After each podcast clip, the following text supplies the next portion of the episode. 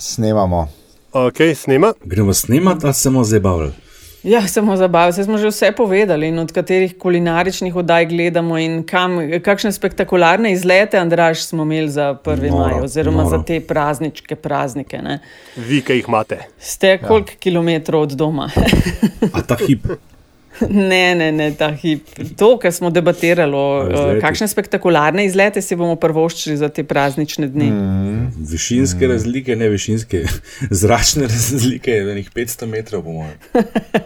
A bo šel na rožnik. Sem bil včeraj, ja. Aha, aha.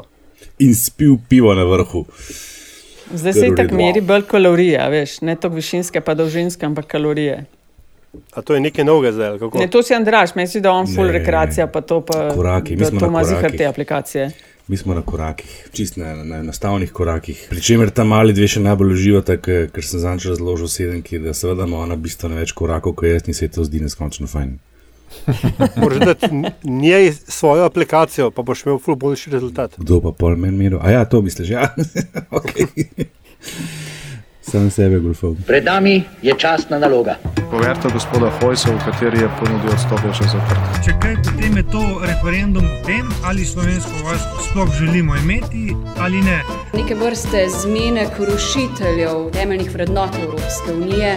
Kar sem odšel iz politike, vse na robe. Več afer, kot bodo sproducirali, bolj bom grizla in sekala lovke. Osebno sem se danes testiral, čakam na rezultate zaradi preventivnih razlogov, da eh, ne bo potem kakšnih dilem. Mi nismo ničesar plačali, tako da zagotovo ne gre za goljofijo. Pa si vi sploh želite čim prejšnjega konca te epidemije? Te razprave ne bom nadaljeval, ker eh, nisem neumen. To je LDGD, podcast, ki nikogar ne podcenjuje in ničesar ne jemlje preveč resno. V imenu svojih najbližjih in v božjem imenu vas pozivam na lov.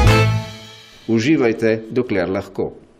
Hvala lepa. A smo kaj spremenjali, ali jaš ni? Ne, Ne, ne, ne, še vedno je. So, narod je rekel, da kaco mora ostati. Ja, ja. Karel je še noter, to, to je treba spremeniti sam. Ja, ja. Lej. Ampak imamo smetana, smetane v LDGD, se pravi podkastu, ki nikogar ne podcenjuje in ničesar ne jemlje preveč resno. Uh, še posebej pa ne politike, z vami smo.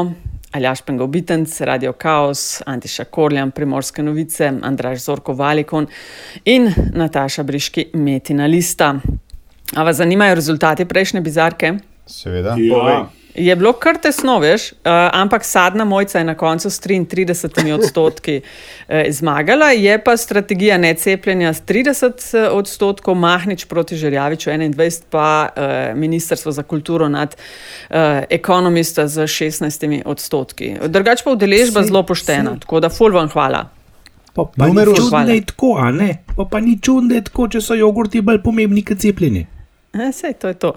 To je to. Um, ful, hvala, ker ste glasovali. Tako da danes imamo že, že zdaj vem, da imamo kar, kar odlično izbiro, ampak to pride na vrsto uh, bolj proti koncu. Um, hvala za vprašanje. Tudi tokrat sicer eh, mislim, da nimamo nobenega, bomo pa pogledali ali jaš, no, ampak jih sprejemamo še naprej in na uh, afna metina lista pod hashtag LDGD ali pa nam lahko tudi pišete na infoafna metina lista.si. Sprejmemo vse. Um, teme pa imamo, ne pojmo delati zdaj, so taki prazniki. Na meniju tokrat.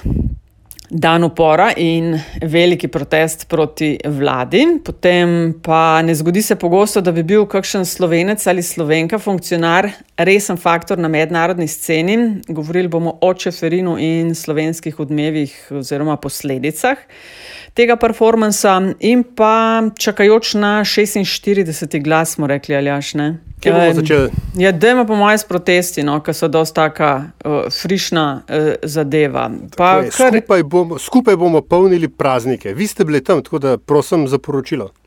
Mhm. Kdo želi, da ne bom jaz, ki sem zdaj v uvodni del imela mal daljši, kdo želi um, začeti? Zdaj pravna mreža, protestniki in protestnice so strokovno podporo pravne mreže za varstvo uh, demokracije, potem ko so bili uh, res redno deležni, uh, ko sami pravijo, tudi policijske represije zaradi izražanja svobode govora in političnega prepričanja. So podali zahtevo za presojo ustavnosti, od tistega ne sme biti nič, smo pa bili na 100 oziroma naknadno na eh, do 10, ampak evo, na dan upora je bil po petkovih protestih, ki tedni tečejo že debelo leto dni, je bil velik protest. Na, v središču Ljubljane, Preširno trg, trg republike in tako dalje. Uh, vajni impresiji, Antiša in uh, Andraš. Ja, jaz, uh, mene kot državljana, jaz moram reči, da me zelo veseli, da so ti protesti ohranili svoj zagon. Veseli me, da je uh, nek svobodomiselni duh uh, v tej družbi še prisoten in da se je materializiral oziroma artikuliral uh, tega torka na Preširnovem trgu in, uh, če se ne motim, uh, trgu Republike. Uh, tisto, kar me navdaja z nekaj uh, upanja, da je vlada vendarle srečala pamet, je uh, za zdaj, po zdajšnjih podatkih in informacijah, ki jih imamo, ne, je odsotnost nekih resnejših uh, uh, represalij oziroma uh, delitve kazni in tako naprej. Mislim, da zdaj v tem obdobju po mariborskih dijakih uh, in tudi po opozorilih uh, pravne mreže za varstvo demokracije da vendarle so uvideli, da čisto vse pa tako po vojaško ne more iti, kot so si zamislili. Uh, po drugi strani me pa pri uh, protestnikih oziroma pri organizatorjih me pa ena stvar mečkam bega. Ne? Uh, in to je, da zdaj ne vemo čisto dobro, kaj je tisto, zaradi katerega, zaradi česar so se ljudje tam zbrali. Namreč uh, eden od uh, sklicev, mislim, da je bil tudi uh, narisan en plakat na to temo, je bil proti vladi, proti, dajte mi pomagati, sem delil to z vami tremi, proti vladi, proti, proti kapitalizmu, proti kapitalizmu proti in proti fašizmu. Ok, zdaj mislim, ne, a, a smo pozabili na umazan zrak, pa na umazane vode, pa na vem, zlorabe v domačem okolju. Mislim, hočem reči, hočem reči to, ne, da če ti protestiraš, če ti organiziraš nacionalni protest, potem je dobro, da imaš nek fokus, neko sporočilo, zaradi česar ljudi vabiš v uh, Ljubljano v torek popovdne. Ne.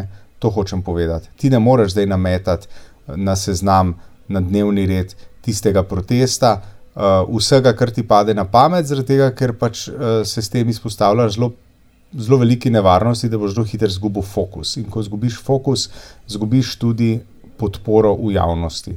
Tako da jaz bi tukaj rekel, da je treba zelo opredeliti, kaj je tisto, zaradi česar ljudi vabiš, da hodijo za tabo.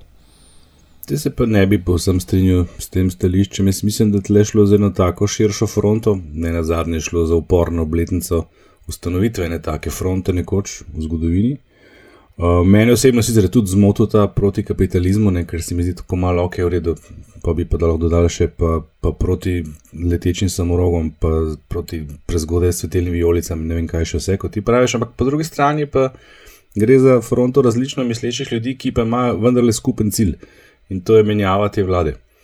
Uh, je pa res, ne, da se določene skupine ohranjajo na teh protestih kot liderske in delajo potem protestom več kot koristi. Tle mislim predvsem na, na Jenula, na njegov klic maske ne nosi tisti, kdo hoče. Morda je hotel biti s tem zelo demokratičen, češ mi ne bomo nikomor predpisovali in česar. V vsakem primeru je bila ta izjava strašno neodgovorna in, in, bo, in se bo vračala kot bumerang še nakrat. Um, kar se samih protestov tiče, bi jaz rekel, da, da je najbolj zgovorno pri njih ta udeležba, celo vlada in njeni podporniki, preskledniki, kako koli jim rečemo, na Twitterju so govorili o številki 10 tisoč. Predvsem zato, ker jim ta seveda zdaj koristi, a ne češ, eh, bolj kot množično, bolj bomo lahko obtoževali za širjenje virusa in zdaj bomo vsi komaj čakali na rezultate ljubljanskega območja naslednjih 14 dni. Um, po drugi strani pa to pomeni, da jih je bilo verjetno res vsaj 10 tisoč, mogoče bo Nataša dala kakšno bolj strokovno oceno znotraj kot, kot z terena, ampak govori se med 10 in 15 tisoč in to se mi zdi res visoka številka.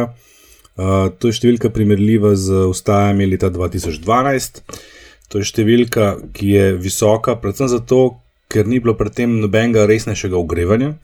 Uh, moramo vedeti, da v bistvu dobrih pol leta ali pa še več Eh, ni bilo resnejših protestov, razen posamičnih eh, akcij.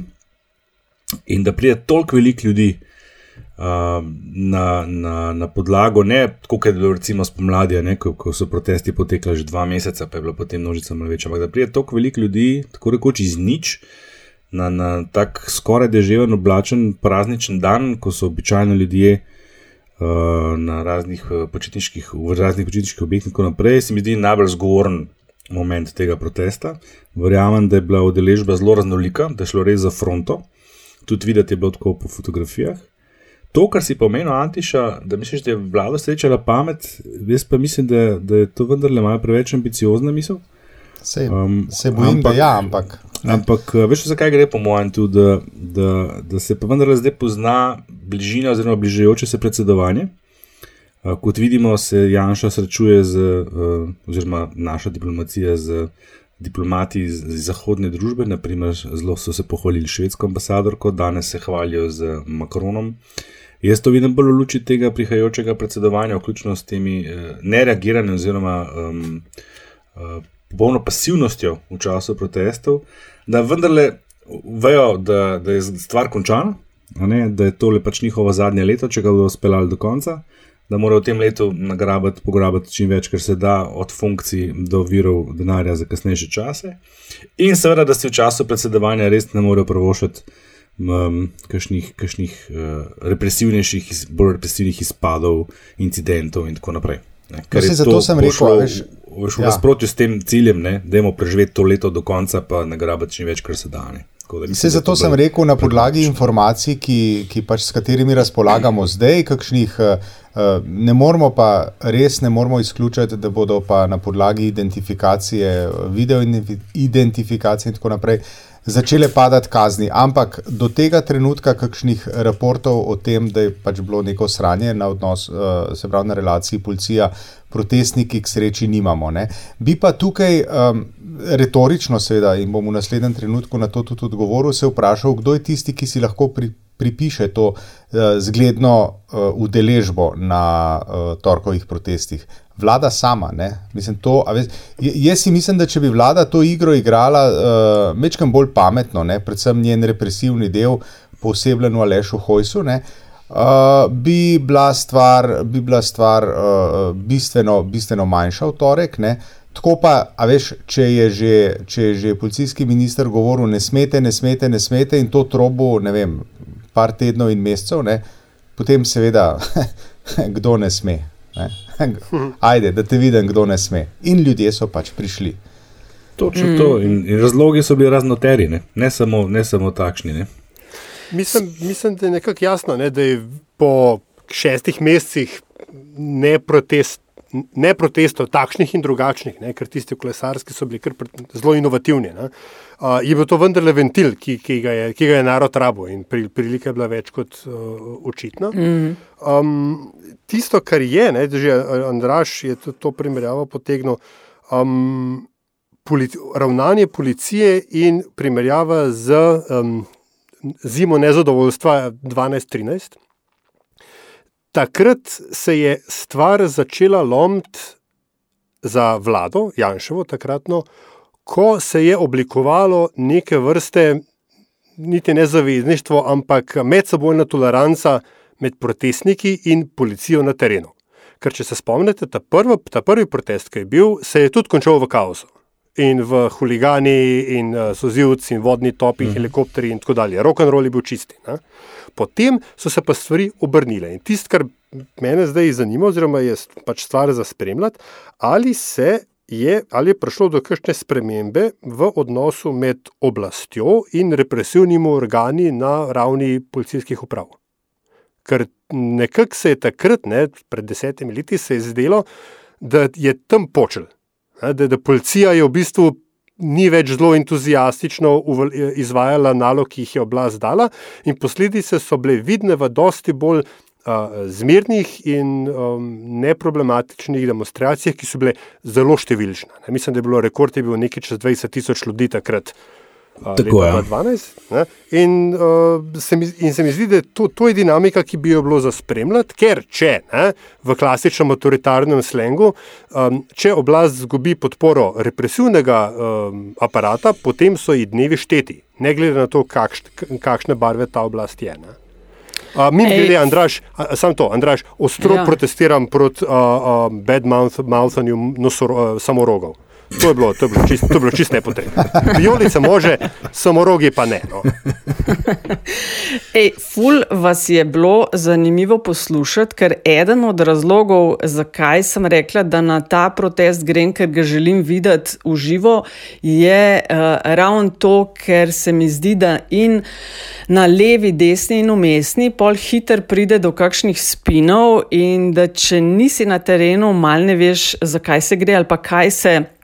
Uh, uh, ko se kdaj iz miši slon naredi, in uh, obratno. Uh, pre, zdaj, glede tistega kapitalizma, ne, uh, Antiša, to smo mm. se mi pogovarjali že uh, preden se je zadeva zgodila. Ne. Jaz sem bila na to pozorna, nisem seveda, ker je, veš, becirk kar velik za spremljati, pa tudi nisem šla v sam epicenter, ker se mi pač ni zdelo to pametno. Uh, jaz tega nisem videla, uh, mhm. tega uh, kričanja ali pa vzklikanja proti kapitalizmu in podobnega. Ne. Vem pa, da so tisti eni plakati bili, ne vem pa, kdo je bil avtor tistega. Ne. Mhm. Lej, to je te... pač nekdo izkoristil, veš, se je tega... bilo malo tako. Ja, ja. Smo videli tudi na, na družbenih posnetkih enega gospoda, ridikula, bi mu rekla, ena iz Twitterja. Nekaj, ja, hiter se. Noben je razumel. Ne. A veš, hiter se pol lahko kakšna taka stvar proti temu, ampak bi rekla, da je bolj tako bilo, kot je tudi Andraž videl nos in kar sem jaz videla na terenu, eh, različni, ampak skupaj imenovalci, tega se pa ni dalo zgrešiti in to je bilo proti temu, kar uh, dela aktualna vlada Jane Zajanše. Mm, točno tako. Glede, to, to bi bilo tudi brez, sorry, tudi brez transparentov, bi bilo to dosti. Ja, jasno, glede teh uh, policistov, to sem tudi jaz opazila, zaradi tega, ker ker je šlo za res uh, velik zbor ljudi, ampak policisti je vse skupaj bilo uh, zelo profesionalno, stali so pač na teh svojih kotičkih, usmerjali množico. Ampak jaz, recimo, nisem iz teh različnih zornih kotov, s katerih sem spremljala ta protest, nisem videla čist nič takšnega, kar bi rekla, fak, kaj pa delajo. Ne? Me pa to na neko drugo stvar pripelje, ker recimo čist moje impresije tega protesta. Preden sem se uh, peljala v Ljubljano, ne, se spomnim, je bilo na Twitterju kar nekaj debate o tem, ali pa na svetu, da je izklopiti telefone, ker bodo poskušali identificirati protestnike in protestnice na podlagi teh signalov. Čež da policija bo tam z ne vem, kjerim eh, tovornjakom, pa vem, da to imajo, za lovljenje signalov in tako dalje. In kar je mene samo presenetilo, je bilo, fakt, pa uh, to res, zelo veliko ljudi je o tem govorilo. Ne? In dejansko po enem letu te vlade je ta strah bil. Jaz sem tudi sama pomislila, čaka, čaka moram jaz to prekiniti in ne vem, zakaj sicer. Pa sem pa rekla, da eh, na profi, na, na, na teren grem in hočem videti, kako bo izgledal, ker me pa spomenilo, če se kaj kdaj je bilo 2012, 2012, tisti arabska uh, ustaja. Ja.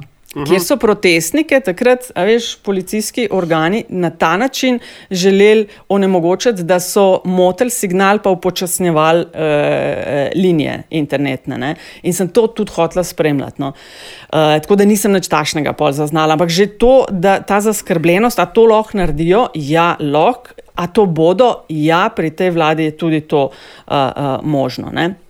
Glede same udeležbe, jaz razumem zdaj, zakaj je aktualno vlado tako zelo strah. Udeležba je bila poštena. Če iz uradnih verov pride, da je bilo 10 tisoč, pol je bilo zihar ful več. Pol je bilo zihar 15, ja. Jaz nimam občutka za te stvari, ampak če pomislim, da je bil protest na eh, zelo mrzu, najbolj mrzu dan, tedni, da je bil na prazničen dan, da zaradi COVID-a marsikoga ni bilo, da zaradi grožen vlade ne, pa študenterije ni v mestu, je bila ta številka tako. To bi bilo dvakrat več, recimo v nekih normalnejših razmerah. Uh, glede tistega, Andraš, kar si rekel, tist, uh, če hočete, nosite masto, če, masko, če pa ne, pa ne, ne. Jaz sem to tudi opazila. Nisem vedela, kdo je to sicer rekel, ne, pa sem zvedela, da je bil uh, Jenul, ampak tudi ne vem, če bi iz tega delala big deal. Mislim, absolutno ja, iz pozivov ne nositi maske, ampak kar sem zvedela, je to bil odziv na eno skupinco ljudi, ki so mu skakali pred odrom in niso uh, dali miru, da jih je umiril. Ja, ja, se sem ja, rekel, le, lahko bi bil to čist legitimen demokratičen vzklik, to, veš, se, se on na Ja, takih pozicijah ja. nastopa, se ne gre za obtoževanje, gre samo za to, da, da se mu bo to vračalo. No, ampak Ja, ja, ja, ja, ne, sem tudi- to želel izpostaviti, da, da, da je Absolutno. to, edino, kar mi je žal no, pri teh protestih, je, da po enem letu, po tem napredku strašnem, da pa voditelj je pa še vedno ta enul, ki pa je v marsikerem pogledu mm. mal sporen, da tako rečem. A veste kaj, jaz bom, jaz bom uh, samo z eno primerjavo. ne. Uh, Alenki Bratušek še po kaj, osmih letih očitajo ne, režimski mediji, da je v Stožicah pela Evival komunizmo in la libertà. točno. ne. Mm, In paste, ja. vče, včeraj zvečer sem jaz pogledal ta posnetek, uh, ker je bil pač na, na televiziji. Ne. Uh, jaz mislim, da je približno pol sekunde jo je režiser ujel, ko izgovarja te besede. Ampak ne, Ja. osem let zatem, mislim, da je bilo to leta 12 ali 13, se ji to še vedno očita in se ne, to vključuje v Ja, razne, tako kot se razne domnevno cen, eh, cenzurirane, cenzurirane uh, videote v Bruslu. Ne, Domnevno cenzurirane vključuje, uh, in isto se bo to zgodilo Jaši Jenulu. To bo mm. zdaj, bi rekel, uh, ne, uh, njegova dediščina bo to. je bolj za izpostaviti, ne, ne, ne samo je nul, ne, ampak uh, odsotnost drugih potencijalnih uh, vidnejših oseb, ki, ki zastopajo uh, proteste. In to je bil tudi glavni problem takrat protesta 2012-2013, če se spomnite, ko, se, s- Mhm. ko so mediji, v bistvu novinari, kar že skoraj malo obupano iskali v množici, s kom bi pa lahko govorili. O tem, ne? in kje so pa zdaj Mm. kakšne zahteve, kje so artikulacije. Pa so se pojavili uh, par njih, na koncu samo en od njih, eh, pozabil njegovo ime, ki je ustanovil solidarnost, nastopal. ne. Aha, Ja, ja, vem, ja. Uroš Lube, ja. Tako, ta, ja. Ampak, veš, in tle je isto, ne, tle, pa spet je nul, ne, ki, ki je, mislim, ta lik je sporen ne, in, in bo zelo škoda, če, bo z, če bodo ti protesti v preveliki meri povezani z njegovim brandom, da tako rečem, da, da pobrendirani z njim. Ne. In, ali pa z druge strani, da jih bo on monopoliziral, ker res mislim, da je tle bilo kar nekaj zelo različnih skupin, ki so se udeležile in tudi takih, ki jih ni, Nataša, to imaš pa tudi zelo prav. Jaz sem prepričan, da bi bila udeležba ob odsotnosti vseh teh okoliščin, ki se krat jih naštela, bi bilo krat dva, sigurno. Kar je pa Sigurno. ogromen. To je pa, Kar to je pa veliko. več, kot je bilo 2012-2013. Že zdaj je bilo veliko. Ja. je pa pol tem, leta ne. 88. ja. Veš, koliko je, pa, koliko je pa to pomembno, vidiš pa tudi po odzivih vlade. a Ne? Na eni strani Janša z, že- z, z res tako, mislim, nagnusnimi, degutantnimi grožnjami in govoril, govoril o zločinu, a ne. koliko bo zdaj mrtvih. a ne. In to zdaj si, ko mi čakamo to statistiko, da mu jo pa vrnemo nazaj. Pričemer je ta statistika na prejšnjih protestih kazala, da niti pod točko razno ni bilo noben, Ne, niso bili protesti ver. Mislim, da sem to enkrat, en par dni nazaj tvitnil. Ja. Ja. Če bi to držali, pa, No. pa so že tako si prekuženi, pa, pa je tako ni benga Ja. problema. ne. Ja, ja, ja. No, v glavnem, Antiša- samo ja, to, da izvoli. dokončam, veš, kaj se hoče reči. Um, ta strah je bil razviden iz teh odzivov, ne, recimo eh, tega štiha, ne, ki je šel. Po ne- Ker kar dolg časa so bili vsi tihi, jaz sem spremljal na družbenih to zelo pozorno. Dolg, dolg časa je trajalo, da so prišli, začeli prvi odzivi prehajati, kot da bi čakali na komando poveljujočega. Ja, ja, ja, ja, ja. Niso vedeli, kaj napisati. a Ne? In pol v tem obupu se je štih spomnil primerjave, ki je pa mislim tudi res smešna, ki bi jo človek za bizarko kandidiral, če ne bi s tem preveč pozornosti mu dal. Češ, tam se jih je zbralo samo tretjina toliko, kot jih je volilo Jelinčiča. Ne? Pri teh matematičnih akrobacijah je treba nekaj povedati. Ne? Če je to res, ne? če to vzdrži, ne? pa pa dajmo pogledati nazaj primerjave, koliko ljudi je bilo uh, predno je demo zmago na volitvah ali pa 2012. Jaz bi tako na prst ocenil, ne, da en udeležen, sploh po teh razmerah, aktivni, ki pride na trg, šteje za 100 voljivcev, ne za enega. Dobro, s polskim vodovodarjem se res ni treba preveč ukvarjati. Ja, ja, to je res. Tu bomo tudi končali z njim. Sam, sam dodal, um, ograj ni bilo na trgu republike. To se mi zdi izjemno simbolno uh, v odnosu pač, uh, represivnega aparata do, do protestnega gibanja, kakršno koli že je. Mm. Antiža, tisti, ja, kar si omenil, tista izjava Jenulova in kako je Bratušek se vrača. Tista izjava, ki si omenil, ne, mm. ja, to je tako, kot je ta zgodba Danilo Turk in drugorazredni. Mm. Pride en moment, ki ti ga pol še desetletja naprej mečejo. Ampak ne bi pa čisto, veš, to eh, z Jenulom ga mm, tako zelo v, v negativo opisoval, ker konc koncev eno leto zadeva traja in eno leto trajajo protesti. In on, on je, je eden od motorjev tega gibanja. Ne? Ker, veš, marsikdo je proti, ampak je na oder, pa prijet za mikrofon, pa se izpostaviti, je pa v teh časih, a veš, tudi kar, kar orang vredno. Uh, je pa bilo nekaj novih obrazov med govorci. Ne? Jaz sem opazila gospoda Dragana Petrovca. Ne? Tako da kažejo se neki novi obrazi, ki uh, so obrazi tega protesta in upora proti aktualni vladi. Ne? Sem pa pred dnevi brala. En zanimiv zapis klinične psihologinje, on je tekavčič grad v sobotni prelogi. Ne vem, če ste ujeli. No, skratka, ona je sicer specialistka, mislim, da, da za zdravljenje samomorov in te zadeve. Ena zadeva, ki je ona v tistem zapisu govorila, je bilo ključno vprašanje, je, ali si pacijent. Eh, želi terapijo. Torej, džabe pomagati ljudem, če si tega ne želijo. Ne. Je za njo pet, uh, motiviran, a ga je situacija dovolj razkačila, da bo šel v spremembo. Zdaj, zaupanje v vlado Jane Zajanša je na najnižji točki. Mislim, da ga po, po raziskavah podpira manj kot 30 odstotkov ljudi. Se pravi, dvakrat toliko mu nekje nasprotuje, uh, vsak tretji pa ne ve, uh, kje stranko bi volil, ali pa ne bi nobene. Zdaj, mene ne bi presenetilo, ne, uh, če bi ti, ki podpirajo vlado, oziroma Janša, če ne bi zdaj probali organizirati kaj podobnega temu protestu, da bojo ukrepe skenslali, veš, da bo princ lahko v letu z busi, čeprav si ne predstavljam, da bi lahko takšno številko eh, dosegli na. Odgovor na vprašanje, ali si pacijent želi terapijo, pa potem, kar sem jaz videla na tem protestu, bi moj zaključek bil: absolutno ja. Pacijent, slovenski narod v tem primeru, si res želi terapije in noče več tega, kar imamo. Veš, kaj je problem, Nataša? Veš, kaj je problem? Problem je to, da če nadaljujemo s temi uh, referencami oziroma primerjavami farmacevtskimi, ne, da je zdravilo oziroma cepivo v zelo, zelo beta fazi. Ne. Se pravi, zdravila oziroma alternative pa, kot smo že večkrat ugotavljali tukaj, uh, ni, strukturirane, artikulirane alternative ni. In tukaj imamo problem. Mislim, in, še, in, še, in, še, in še nekaj je. Ne? Uh, uh, to je vezano na tisto, kar je Andraš prej tudi uh, omenil, spet primerjava 2012-2013.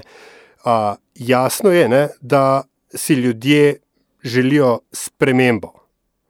Ampak sprememba Razen tega, da vlada odstopi, za kar pa zgodovinsko gledano vemo, da protest deset tisočih ne bo dovolj, je odgovor se tu vendarle in še vedno, in hvala Bogu, skriva v parlamentu. Mi pridemo, kukorkoli obrneš, pridemo do 46. glasu. Tam je to cepivo, ne, ali pa zdravilo, ali pa sprememba ki, ki lahko spremeni trenutno situacijo. 2013 je bil tam Virant, ki je brez zadržka in zadrege prestopil in je vlada Janša padla. Zdaj se sprašujemo, kdo je zdaj ta glas, oziroma ta dva glasova, slejko prej, ki bi to lahko dosegla. Ne? Smo pa videli, da to ni nemogoče pred par dnevi. Zdaj, zdaj kar rečemo, veš, primerih, ja. Ja. da alternative ni. Fronte, ki jih ima Janša oziroma njegova vlada, ker to ni vlada ne Desusa, ne SMC, ne NSI, to je vlada SDS-a. Fronte, ki jih ima odprte, jih je ogromno. Na EU, cep, EU ravni z cepljenjem, težave z dikcijo vladavine prava, podpiranje Orbanovih blodanj in nedemokracije na polskem, uh, žaljenje vodi odborov. Na Balkanu imamo zdaj ta non-paper in uh, poskusi legitimizacije igrce zemlje krast. Z mediji doma in po svetu. ZDA. No če ste opazili, ste videli, kako je uh, poskušamo se nekako prlizvati ta novi administraciji, mm. uh, vsi čez, uh -huh. čestitke rojstnemu dnevu, uh, Melani, Knaus, pa veleposlaniki. Dva aparatka. Ja, ja. Z govornim emojijem. ja, fronta COVID, recimo. Še vedno smo, mi smo med top 10 največ smrti na svetu. Schizofreni ukrepi imamo. Zdaj na zadnje, kar smo se videli, fafangali vmes uh, odstopu. Posledično hudo. Nezaupanje ljudi. A veš, potaknjenci v PKP, jih rečemo, alternative ni. Mislim, lej, vse je verjetno boljše od tega. A je artikulirana, ja. a je alternativa, ki ti lahko pokažeš na, s prstom, jaz bom pa volil njega, zato ker. In on bo dubo več kot unih uh, 20-25 odstotkov, kolikor bo dubo Janes Janša. Ne, imaš, v tem ne, je problem. Ne, ne imaš, le, imaš kar nekaj strank, že v poziciji je kar nekaj, ki se zelo trudijo. Recimo, mene, mene ne bolj uspešno. Ne, tle, mislim, da se bo v bizarkah ena od njih pojavila z manj uspešnim poskusom upiranja in spostavljanja alternative. Ampak jaz mislim, da ni point v tem, mislim, da mislim, je seveda. Uh, a veš, tudi izven parlamenta se pojavljajo alternative. Ne, imamo, imamo Damjana, ki se zelo oglaša, imamo to dobro državo, Pirati ki se se dvigujejo. Pirati, Pirati se dvigujejo sploh na krilih potencijalne zmage na češkem. Ne vem, če kaj spremljate, ampak pita, pirati utegnejo imeti premijeja na češkem po volitvah septembra. Uh, potem uh, imaš to, uh, sem alternative, v končni fazi tudi na desni, ampak to niso alternative. Imaš alternative, recimo, ki se, ki se reče uh, Aleksandr Čeferino, ki na to ko veliko govorijo vsi, uh, Jure Leben, uh, Prebelič in tako naprej. Kar nekaj je tega, ampak point ne, te alternative ni v tem, koliko jih je, kdo bo zdaj artikuliral in kaj, ampak ali je kdorkoli izmed njih sposoben ali pa več njih se povezati in spostaviti uh, tak blok, ki bo brez težav premagal SDS, ker to je edina. Se o tem jaz govorim, Ne? Andraš, jaz, jaz Edina točno pot. o tem govorim. Seveda so alternative in nominalno, seveda vsaka strančica, ki se mi bomo štirje naredili stranko in bomo alternativa, ampak dajmo se o real politiki pogovarjati, dajmo se pogovarjati Tako. o tem, kakšen je domet. Jaz sem o tem govoril, no, mislim, nisem In bil tu, tako zelo. ja, eh, in tu se je treba ne, zgledovati po govorimo, mačarski. Ne? Ne vem, če ste opazili. Na mačarskem se je pred eh, par meseci opozicija združila, zdaj nastopa kot združena opozicija, in v zadnjih dveh meritvah njihovih javnih mnen je pred Fidesom. Sicer razlika je manjša, kot znaša zočna Mm. napaka mm. in boj bo napet, ampak sporočilo pa je jasno: združena mm. opozicija v trendu raste. Ja, no, ampak, ampak, ampak, oprosti, za to, da pridemo do vseh teh ne, opcij, rabimo imeti volitve, ki so pa še vedno leto in tri, vsaj tri mesece stran. Če hočemo pa spremembo zdaj, ne, in Hashtag protestno gibanje. Ne, protestno gibanje ni bilo na ulicah zato, ker je reklo, ja, ja, super, imamo še leto in tri mesece časa. Ne. Uh, zato rabiš pa 46 glas. In tukaj smo mi, seveda, zdaj prišli do situacije, dobesedno, ki smo jo v tem mm, podkastu že večkrat tako rahlo hahljajoče uh, opisovali. Zdaj imamo mi poslance, ki os, m, podpirajo to vlado, bolj ali manj izključno zato, da podaljšujejo svoj poslanski mandat. Ker variante, razen tega, da ali predsednik vlade odstopi, ali pa uh, da na, Na glasovanje predlog glasovanja o zau, zaup, zaupnici, ki jo potem izgubi. Druge variante skoraj ni. Ja, no, Antiša, jaz prej pa sem sam o tem govorila, da alternativa je samo tehnično, logistično, zadeva še pa ni domišljena, tukaj se pa strinjam s tabo. Ne? In to, Aljaš, kar ti zdaj praviš, ne? zdaj čakajoč na 46. glas. A je to glasovanje, kaj je bilo za teh eh, deset agencij, ki naj bi se v eno, je pok, se je slabo končalo za vlado? Ne? A mislite, da bi, če bi danes, karikiram, bilo glasovanje o nezaupnici, da bi bili v boljšem položaju kot januarja ali smo na istem? Moje smo na istem. Jaz, jaz mislim, da smo na istem. Jaz mislim, da je bil Da tle, da je ni- bil tle pač nek krok interesov. A veš, uh, od tistih, ki so glasovali, ne, tle je bilo osem agencij, koliko jih je bilo od zadaj, tle spet ja. je kup interesov. To je tako, kot si ti zanj zelo pravilno uh, uh, definirala. To je tržnica. Ne? V nekem trenutku Mm. se bodo pač našli zakoni, kjer bo tistim vmes plavajočim poslancem, le vse, po drugi strani pa lahko rekli, o, končno imamo parlament, ki ne odloča po, di- po, po navodilih stranka, ne?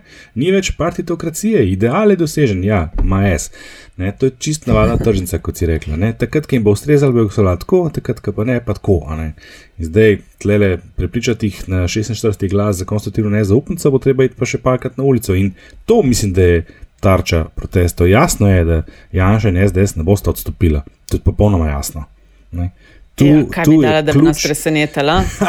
ključ ne, za, za, za, za, to, za končanje te agonije, te nelegitimne vladavine, ki je nelegitimna trikrat, ne samo enkrat, od zdaj naprej pa res. Ne, uh, je, je v NSA-jih rokah, oziroma pisarnah in glavah, je v rokah in pisarnah in glavah SMC-jih preostalih poslancev.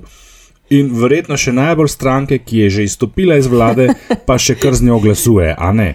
Teh starih ja. prcev, ki so uničili eh, tako rekoč desus. Ti, Antiša, kaj pa misliš o tej zgodbici? Ne? Eh, pred dnevi je bil predsednik državnega zbora Zorčič, ki je zdaj nepovezani poslanec, gost ene od oddaj, mislim, da je bil na RTV, no, niti potrdil, niti zanikal ni prevzemanja desus ali ustanavljanja svoje stranke, je bilo slišati. ja, to je. Mislim, jaz to ne vem. A smo že pri bizarkah. Ja, uh, hvala, Andraš. Ne, uh, še sekunda. Takole, pravkar je napolnjenih 35 minut, drage poslušalke in poslušalci. Sicer pa, kar se natašnjega vprašanja tiče, uh, je imel Andraš kar prav, smo že pri bizarkah. Ne, jaz se strinjam, da je to, kar opazujemo, da počne predsednik državnega zbora, gospod Igor Zorčič, to je res uh, ne na meji, pač pa čez mejo bizarke. Ti prideš v zelo gledano oddajo na nacionalni televiziji in tam si kot ena sramežljiva nevesta, neki se nasmihaš, ne moreš potrditi, ne moreš zanikati, ja, zakaj si pa potem tam. Lepo vas prosim. In potem mine 3-4 dni, in potem se ti še naprej oklepaš uh, položaja predsednika državnega zbora uh, iz nekih estetskih, ne, rekel, uh, kulturno-estetskih razlogov, pa zavrneš udeležbo na državni proslavi.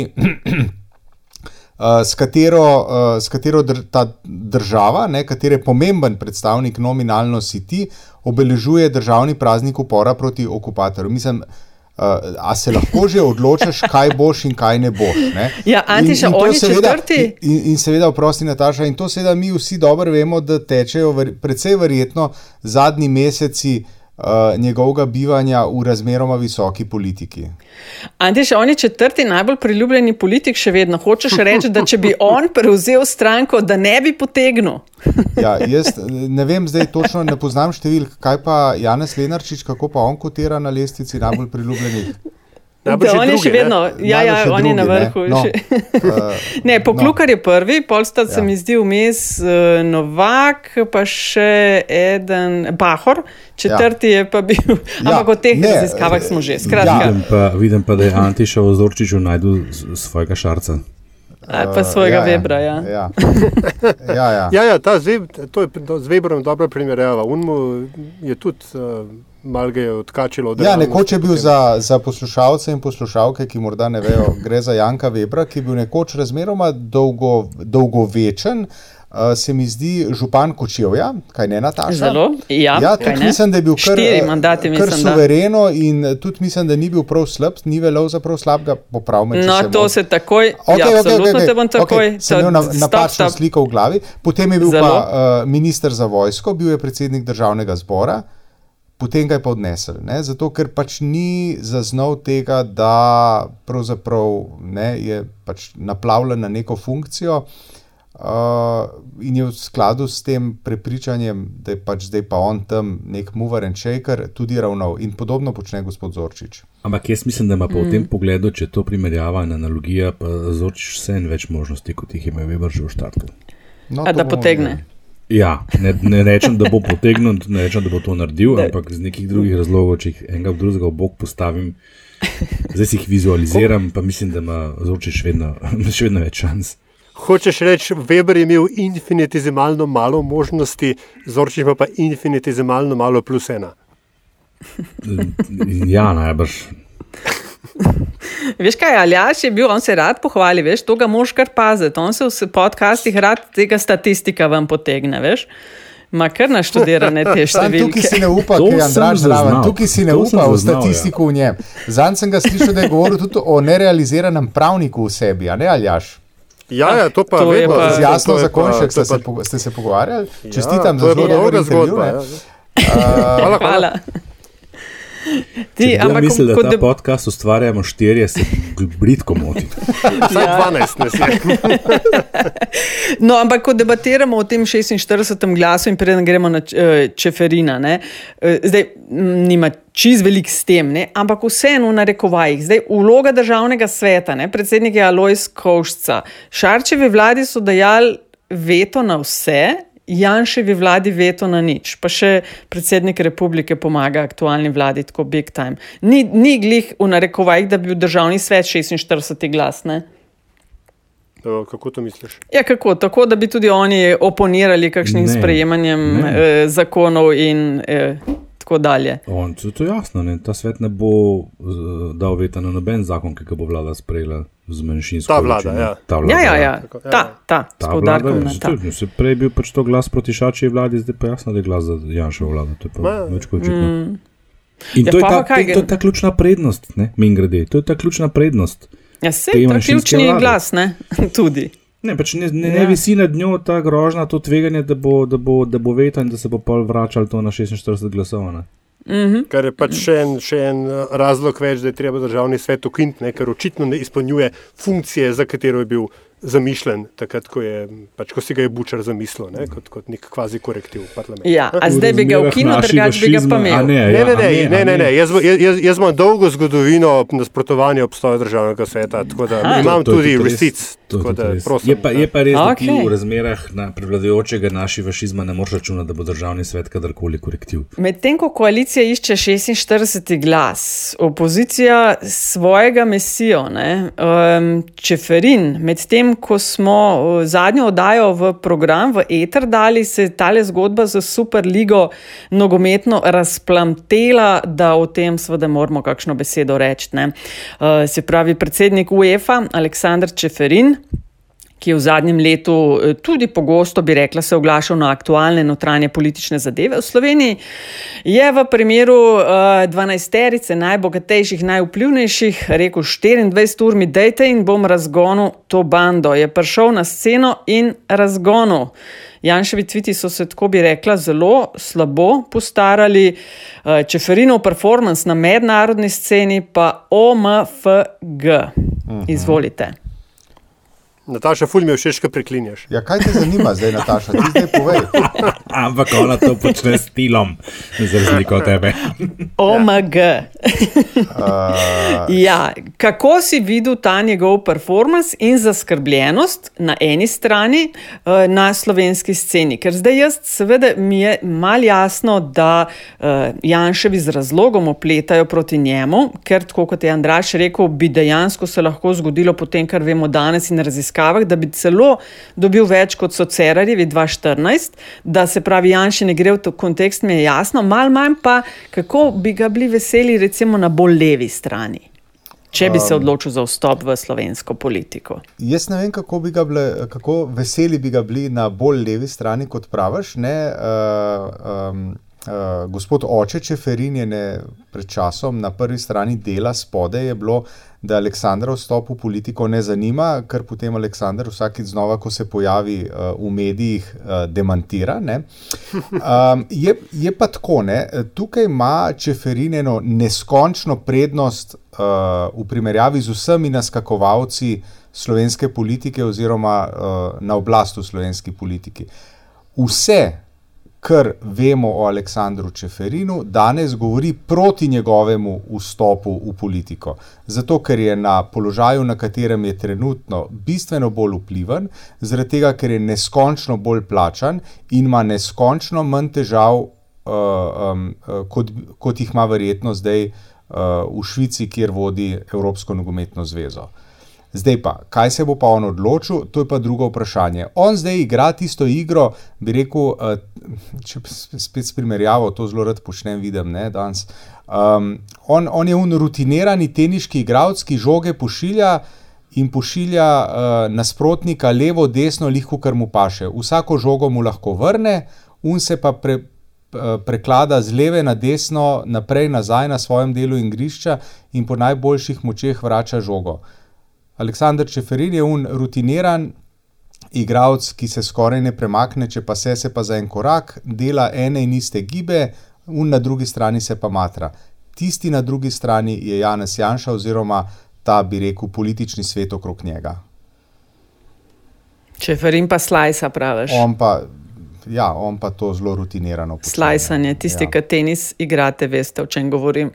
Ironija te zgodbe seveda je, da bolj kot je uspešen Čeferin, ne, na, na, sploh v tem primeru Superlige, manj šans je, da se on vrne, oziroma da vstopi v slovensko politiko, ker pač ima več eh, vzpodbude, da ostane zdaj na čelu UEFA, dokler ga bo UEFA tam gor, tam gor še gledala. Ne. In, in z tega vidika se mi zdi te Janševi tviti in potem narativ, ki je iz tega sledil, še en primer uh, Rafala v koleno, ne, ker bi seveda on gladko lahko čestital Čeferinu za to, da je rešil evropski nogomet, se mogoče celo malo posončil v njegovi slavi, prikazal um, preseganje ne, razlik, tako kot jih je Zahipec pokazal v tistem momentu, ko je se Čeferin pohvalil z maskami, ki jih je doniral Jack Ma. Ne, takrat, uh, točno leto dni bo tega, ne, še malo več. Uh, skratka, ampak ne, ne zaradi, zaradi te um, zaradi občutka ogroženosti, ki ga Janša in svet okoli njega čuti strani Čeferina in te napol imaginarne grožnje vstopa v slovensko politiko. Zato ga je treba skozi napadati. In, in ko ga skozi napada, si ti zdaj, ne, hočeš nočeš napadu rešitelja evropskega nogometa, če mečkam pretiravamo. In se mi zdi, da sem na neki ravni, mogoče se mi to zdeva, ampak zaznal ta, to nelagodje ob teh napadih tudi pri nekaterih obrobnih podpornikih, uh, sicer lika in dela premijer Janša. Tako da mogoče si je Janša tukaj naredil več škode, kot se ta hip zdi. Ja. Sam to. Seveda, Jaz mislim, da z vsakim nastopom proti Čeferinu si Janša dela škodo. Ne? Predvsem zaradi tega, ker se Čeferin z njim ne, ne ukvarja tako strastno, kot se Janša s Čeferinom. Pa ne samo to, mislim, Čeferina je podporil celo Orban. Ne? Ker je Ja, no, sploh to, ja. Nenavadno, da pol Janša tega ni podporil. Ne? In imaš popolnoma prav, Aljašne. Če bi Janša podporil Čeferina, bi s tem Čeferina odzel kar nekaj točk, ker vse vidimo, kako se dogaja z vsemi eh, podjetji, ki jih eh, SDS-ova klientela napade na Twitterju. Mislim, Ja. v branim stopi večina ljudstva, da je ne bo začel naštevati vse te, kdo to so. Mene pa Čeferinu najbolj zabava ta del, eh, ta njegov. Uh, Včasih kar stoični, jaz ne, ne, to mene ne zanima, ne. Ampak povabilom v srednjo informativno daje se pa nikoli ne odreče, ne, da bi prišel komentirati in tam komentirati, kot da pa je točno nasprotje tega, kar govori. Uh, tudi zanimivo je, zakaj ga toliko omenjajo kot takega, zakaj se v raziskavah pojavlja. Celo mi smo ga v eni raziskavi lani, oktobra že zmerali, odtle vam te ocene, ne, da bi dejansko, če bi bilo to danes, znal prehiteti v tem sentimentu, kot smo mu danes priča, v tem kontekstu in s to percepcijo, ki jo ima danes, bi povozil rekorde. Uh, to, to, to, to, to je dejstvo. Ne. Uh, Ja, ja. In odkje veš, ta, ampak zdaj odkje ta, ne, zakaj, zakaj na eni strani ljudstvo ga kliče, čeprav to ni čisto res, ne, to je imponirano. Zakaj od, vsa ta vabila, zakaj vse te, vse te debate med tem kontu zavrača? Zakaj ga vabijo v medije komentirati družbene, eh, družbene aktualne dogodke, če pa on jasno zavrača uh, kakršno koli namero vodenja vlade? Ne? Kaj se bo pa? Zato, ker je, Zato? ker je influen, influencer. Ja, Ja, uh, on bi sicer bil. On bi sicer bil, če bi, pa je seveda večkrat zanikal, ne, in to so verjetno mokre sanje uh, vseh, ki bi ga želeli videti na mestu premijeja ali pa na vodje te opozicije. On bi sicer bil nov obraz, če bi šel v politiko, ne, ampak bi bil pa nov obraz za eno drugo dimenzijo kot uh, Šarci in Cerari. Ne. Za njim ni zgolj vem, vešče nastopanje, ampak resne vodstvene sposobnosti, dokazane na mednarodni ravni. Uh, Če bi se on odločil. Vodstvene sposobnosti ti trajajo dve leti, a ne? Ne, Kar je- leti malo je več. ve- On je bil v drugo tudi izvoljen, pa vodi eno No. najpomembnejših športnih organizacij na svetu. Če bi se Ja, on odločil v menedžer. politiko, Johnsoni in Putini ne bi sprašvali, kdo je tale. Po mojem je po, po drugem Drnovšku, po, ko je Drnovšek predsedoval predsedstvu Juge, da še nismo imeli, ali pa ne bi imeli nekoga, ki bi vsem deloval na tako zahtevnem ne, teritoriju. Z njim bi mešati- en preskok z Ne, ne, vaške ne, ne, ne, ne. mentalitete in lokalizmov na višjo raven. Ne mešati zdaj prepoznavnosti s sposobnostjo vodenja. Uh, Lej, ja, oprosti, Putin vodi pa- pa tako zelo naprej. pomembno organizacijo. Eh, Oprosti. Eh, Nataša, Lej, to in ne tole, pomeni, kar je bil- je sposoben menedžer. No. Šele dve leti. Lej, pa. Pa- čak- tudi- lej, pa čakamo še šele ne. dve leti. Pa še Čak, nekaj. ne. kako dve, se ima se to nego drug mandat Ne, na UEFA. ja, sej, Tako, prvega je v polovički imel. Ja. Prvega no. je v polovički imel, zato ker je na domestu. A veš, to lahko z druge strani pogledamo. Ne? Če bi bil tako sposoben menedžer, pa se mu Superliga niti ne bi zgodila. A veš, Ne, to pa ni res, tudi zaradi tega, ker se Superliga že zdaj 50 to, let ne? Zdaj dogaja. on je spadal kot nek heroj, po drugi strani so pa to dosegli navijači v Angliji, pa čist nihče drug. Ker so na tak lej, pritisk uh, na, svoje, splet- na svoje klube, da so šli si ven. Veš, tako da dajmo biti le malo sen. No, saj jaz Ne, sem pet no, let- malo rezerviran lej. do teh percepcij. On je pet njegovih, let. Uh, Pet let je na čelu UEFA. Pet let. Ne? Tako da ni dve leti. Pet let je na čelu UEFA. In to ni brezvezna organizacija. No? In tista superliga, to se že 50 let vala, in še naslednjih 50 se bo valalo. Jaz bom vedno ostro protestiral, če se bo futbalske organizacije uh, tako visoko uh, kovalo, da so tako zelo pomembne. Mislim, pa ne moreš svet razumeti brez futbala. Futbal, ne. Le vprosti ni samo. Predsednik OZN, mislim, kam on. No, le, klele je pa, evo, kle se pa ne strinjava. Ja, ne? Ni skončno, samo futbala. Uh, ne, vse verjetno gre, verjetno gre tukaj bolj za, bolj za percepcijo Čeferina v Sloveniji, kot za um, njegov dejanski vpliv. Jasno je, da se to brez navijačev in kon konkretno angliških uh, bi se vse skupaj dosti težje premaknili. Že bolj ja, verjetno bi se, bi se ja, tudi premaknili. Ampak, ampak ja. čakajmo, sam pazi. Angliški navijači in kombinacija angliške politike, ne, kjer je Čeferin osebno poklical njihovega ministra za šport, ki je potem Johnson razložil, koliko je ura. Ne, uh, veš, Pa Redding, Dirty Dozen, pa vse ostale. Tako, to klete veze so. Navijače, ampak ja. vprašanje je tisto, kar je nekaj drugega. Ne? Kar smo mi večkrat opazili oziroma dognali v Sloveniji, je, da v resnici to vrstne izkušnje vprašanje, če sploh štejejo v ja, slovenskem ja, peskovniku.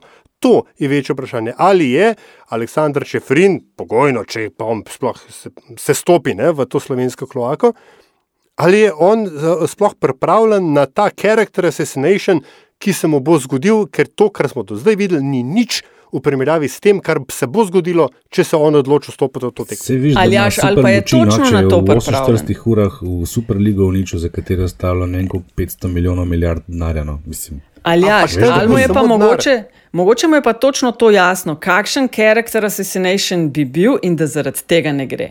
Ja, recimo. Ne? Aleksandr Čeferin je za slovensko politiko tako kot Kajzer Söze v filmu Osumljenih pet. Ha, se spomnite? Lepa.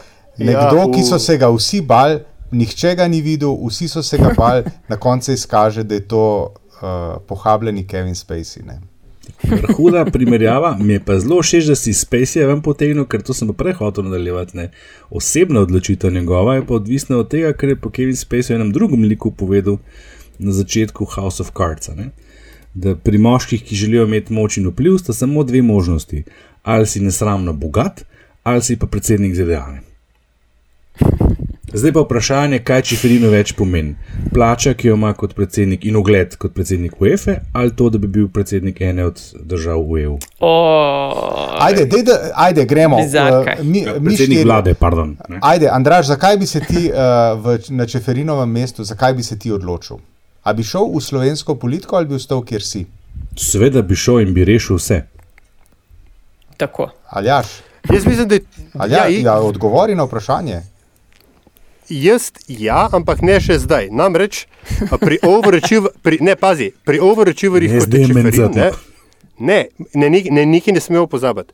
Na neki točki tem likom rata dolg čas in hoče nov izziv v življenju. Uh mhm. -huh. Enostavno za to gre, po mojem na točki, ko bo UEFA postala rutina ali pa ga bo nehala zanimati, takrat mislim, da je obstaja velika možnost, da se bo on odločil za prestop v slovensko politiko, je pa še, je pa še nekaj drugega. Um, Rok Čeferin, ustavni sodnik, če bi bil Aleksandr Čeferin predsednik vlade, bi tukaj obstajal inherentni konflikt interesov, ki mislim, da bi se ga oba, ker sta vendarle pravnika, mu samo hotla izogniti. Zato, zato tudi to, po mojem, vpliva na to, zakaj in kdaj se bo Aleksandr Čeferin na kaj odločil. Nataša, kako bi ravnala v Čeferinovi dilemi?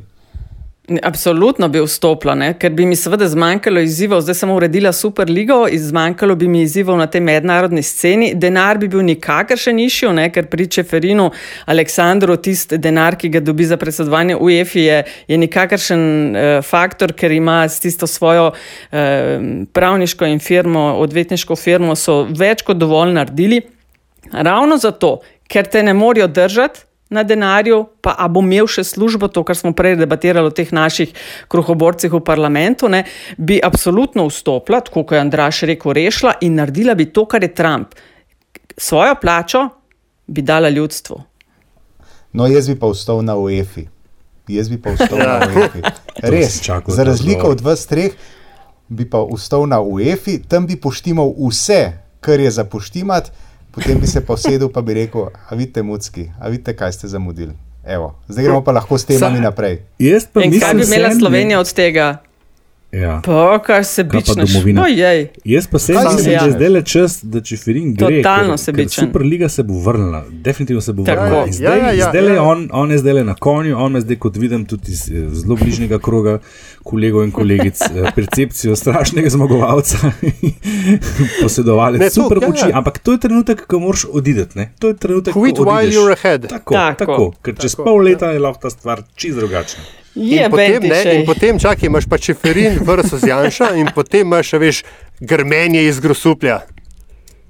Ja, Večje, to pa kaj tudi- bi lahko Je pa tudi že čas, da imamo predsednika vlade z kakšnega kraja, ki ima vsaj v, v, v drugi, če ne že v prvi ligi futbol klub, Grosuplje Ja, igra v tretji. PS. E, Iz Kamnika prihajajo nekateri veljaki, Kamnik igra v medobčinski ligi. Kje so, kje so kandidati iz prve lige, lepo vas prosim, Ljubljana, Koper, Maribor, kje ste, kje ste? Enega smo imeli, ne, sam ni, ni, ni znal do 46 šteti ali kako že. Ne. Ajde, gremo naprej. Je. Ja, pojmo, kaj se zdaj pa sam še bizarke, zdaj ste pa pripeljali do, do konca zadevo. Eh, Kdo bi štartal z bizarkami? Ne? No, bom jaz. Um, moja bizarka, ki se mi zdi taka konkretna, prav bizarka, ki se ji vi reče, ni ekscesivna, je um, novi.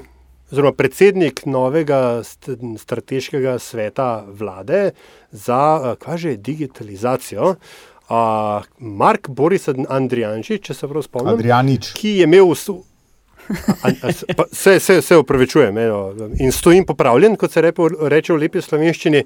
Uh, Svet seveda ni bil avtor te ubre zakonodaje, na zadnje, ko smo o tem govorili, tako da tudi to sem se popravil na, na, na Twitterjih že. Uh, ampak svet je imel ustanovno sejo in um, predsednik sveta je povedal, zakaj ta svet sploh obstaja in obstaja zaradi praznega stola in si želi, da si na njem predstavljajo člani sveta, državljanka, državljanko oziroma državljana Slovenije in da so tu zaradi nje oziroma njega. In ta prazen stol, ki me je spomnil na bolj kakšne republikanske konvencije, kjer je bil uh, Clint Eastwood govoril o praznem stolu, uh, to se mi zdi tako, tako proper bizarka, da se ji vi reče. Evo. Lepa, pošteno. Andraš, Um, jaz bi kandidiral proslavo, uradno državno proslavo na nekem vrhu nad Ribnico, uh, v celem, celem tem kompletu, od, od prizorov vremenskih, oblečenih, kako so bili tistega tmurnega vzdušja, meglenega, na pol deževnega, že same ideje, da so šli tja gor, čim dlje od možnosti, da bi kdorkoli lahko prišel blizu, mislim, da je bilo to, in da so najdel nek najnižji zmožni skupni imenovalec, da se bodo vendarle uradno poklonili eh, prazniku, pa pri tem ne, ne umešavali partizanov. In to jim je očitno uspelo, ampak seveda vrhunc in tudi povod za kandidaturo je pa nastop deklice s kitaro, ki je bil ne, no, dej, no. klimaks te proslave in živim nasprotju s samo Sibino in kuliso, in jaz mislim, da je to vredno naziva politbizarka. Zato Dobro, jaz bom, mislim, Kaj? zdaj, Andraš, mislim, a veš, ne moreš tako, vzel si mi bizarko, ne. meni pa A, tudi mogoče, no, ampak Ne, daj. res, jaz bom samo zdaj, nadgradil. se zdaj Ne, jaz dam svoj glas. Ne, jaz dam svoj Ja. glas, jaz dam že zdaj svoj glas Andražu in bom samo še dobizariziral nastop pevke, ki sem ji pozabil ime, eh, ko ona tistim 18 ljudem, ki so morda tam zbrani. Uh, ko nastopi un trenutek ploskanja in ajmo rukice, kje smo zdaj vsi, To, in to, začne, začne ploskati. To, če, če kaj od te proslave je vredno to pogledati na repeat na televiziji in pač ne glasovati za kandidatko uh, Najno z Andražem. Se pa ne spodobi, da se nisva niti ogledala in zapomnila, kako je ime. Ja, uh, ima pa ime, priimek in potem ima nek, uh, nek malo umetniški z nekimi Y, pa to se mi zdi, ampak nisem pa prepričan. No. Čak, jaz pa mogoče. Čakaj, imam to je en Tale, ki jo je njen- filozo- njen CD. Ta v filozof v troha beli- za snežno belo Freulein imenoval. V, ja, v beli, v beli A, ja. majčki s tri četrt rokavi, uh, na drugi strani pa bundice, pa predsednik republike v usnenih rokavicah, ker je bilo mraz. Vrhunsko je bilo to. Skratka, vrhunsko. če vaju razumem, bi vidva dala Midva to so kandidirala, eh, ja, ker- deklico ja, s kitaro. seveda, ne. Ja, seveda. Deklico s kitaro, Deklico, ok, sam. Absolutno. Vseeno, mogoče še kaj, mislim, meni je, še bom malo jaz na razmislimo o brendiranju. Bom jaz nadaljevala, eh, Aljaš, ker se mi mal navezuje. No. Me je sicer, sem med tremi zadevami kolebala in me je navdušil mal ta retweet MZZ-ja na opozicijsko belorusko voditeljco Svetlano Tihanovsko, ki je tweetala, kako Slovenija praznuje dan upora proti okupatorju in uh, te proteste in kako Belorusi to cenijo. Sem z MZZ-ja to najprej retweetal, pa pa ups, čak se to nam v bistvu ni fajn. Uh, te proteste. Navdušila me je tudi, to moram biti iskrena, eh, poslanka Jerca Korčez žuborečo vodo. Ampak moj glas gre pa ministru Počivalšku. Osrednji govorec na državni proslavi ob dnevu OF, upor proti okupatorju, ko si rekel, na Mali gori je bila četica mala, a izbrana za novo bizarno rundo zgodovinskega revizionizma. Ne zdi se mi namreč mali dosežek biti osrednji govornik v počastitev dneva OF, počastitvi partizanstva, pa da temu ne nameneš niti besedice. Poštena bizarka, ko je bil ogrožen naš jezik, naša kultura, citiram, naš način življenja, smo znali ustati in se postaviti v bran tega našega največjega bogatstva. In rekel je še počivalšek, dobro vem, kdo je zmagal vojno. Partisanen, Herr Minister, Minister Ruhe Placer, oder Banditen wie die Faschisten sie nannten. Ohne sie und ohne Verbündete würden wir heute in Slowenien Deutsch gesprochen, Herr Ruhe Placer. To je to. Dovolj bizarno. Oh, Ti, ampak zdaj, če je prosto že za eno bizarko, Antiša, če se strinjaš, ja. kaj pa če še bo v kontekstu prepevanja in dobre misli. Kaj nima zveze z to, da je to dala zraven, ker tam ne žuboročem potoku neke pesmice skladala rime. Nisem, ne, pa se vi poslušate. Ravno kar je Nataša tudi rekla, jo je omenjala. Ja, ampak jaz no, no, kandidiram počevalško. Dajmo, dajmo jerca zraven. No. Kaj pa je mal, mal podobno temu, samo na drugem, drugem levelu. Ok, jerca Žuboreča, žgoleča, žuboreča jerca. Zdaj bo ona kot, kaj že, srečna poraženka bo prišla v finale. In pred nami je še uh, zadnjih 30, ne, ker smo na 1-0. Ne, ne, ni še, ni še. 1-0-2. Ja, pa jaz sem že povedal, da je to Aljaš je začel. Kaj s tabo, šefica? Ne, Aljaš ti še. Ja, seveda je že začel. Šefica, ja, pardon, kaj je s tabo? Šefica se je tako umeto pripravljala na svojo bizarko, da bomo vse dobro razumeli. Ta, ta ruje placer me je čist uničil. to je trenirala vmes, ja. ja. Duha stingefallen. Ja, komplet. um, ja, zadnjih 30 let sem že preveč trezen, sem, da bi nemško govoril. Uh, Antiša, da je te tišči, zadnjih 30. A, a, a moram jaz, da bo Andraš potem spet da si spet malo popravil. S ja. statistikami. Uh, jaz, ja, jaz bom, jaz bom tako. Ne, zdaj, po spletu okoliščin smo si v družini v zadnjih dneh ogledali uh, Netflixovo nadaljevanko v treh sezonah Cobra Kai. Ne, Ki je spin-off in nadaljevanje karate kida iz leta 80 in nekaj, zgodnih 80 let. Uh, gre za to, ne, uh, kaj so liki iz filma 30 let kasneje, kako živijo.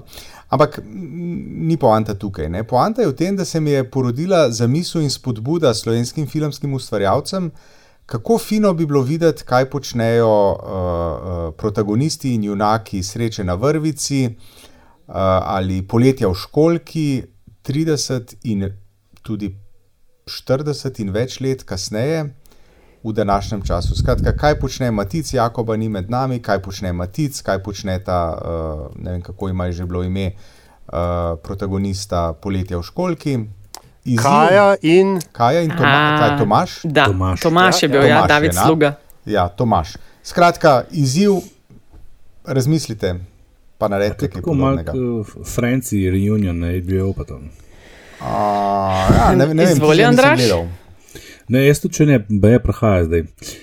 Uh, jih parolajo spet. Uh, v glavnem, um, kaj sem že hotel? A ja, sem že zadnjič tvitnil, tudi ker sem bil tako navdušen, priporočila dokumentarc, ker se ga bo dal še po, po poslušanju te epizode v petek in soboto z sedemdnevnim zamikom ujet. Černobil, zadnja sovjetska bitka na TV Slovenija je naj bil. Uh, obvezno za vse, ki ste gledali serijo Černobil, tam smo zvedeli marsikaj, ampak v bistvu predvsem malo, ker glavna stvar se je odvila nekaj let potem, oziroma v letih po tej nesreči, in je strašno, strašno uh, dobro prikazana v tem dokumentarcu, predvsem v tej drugi polovici. Jaz moram priznati, da sem bil prepričan, da kar veliko vem o tej nesreči. Ne na zadnje so bile to moje prve demonstracije takrat v Ljubljani po tej nesreči.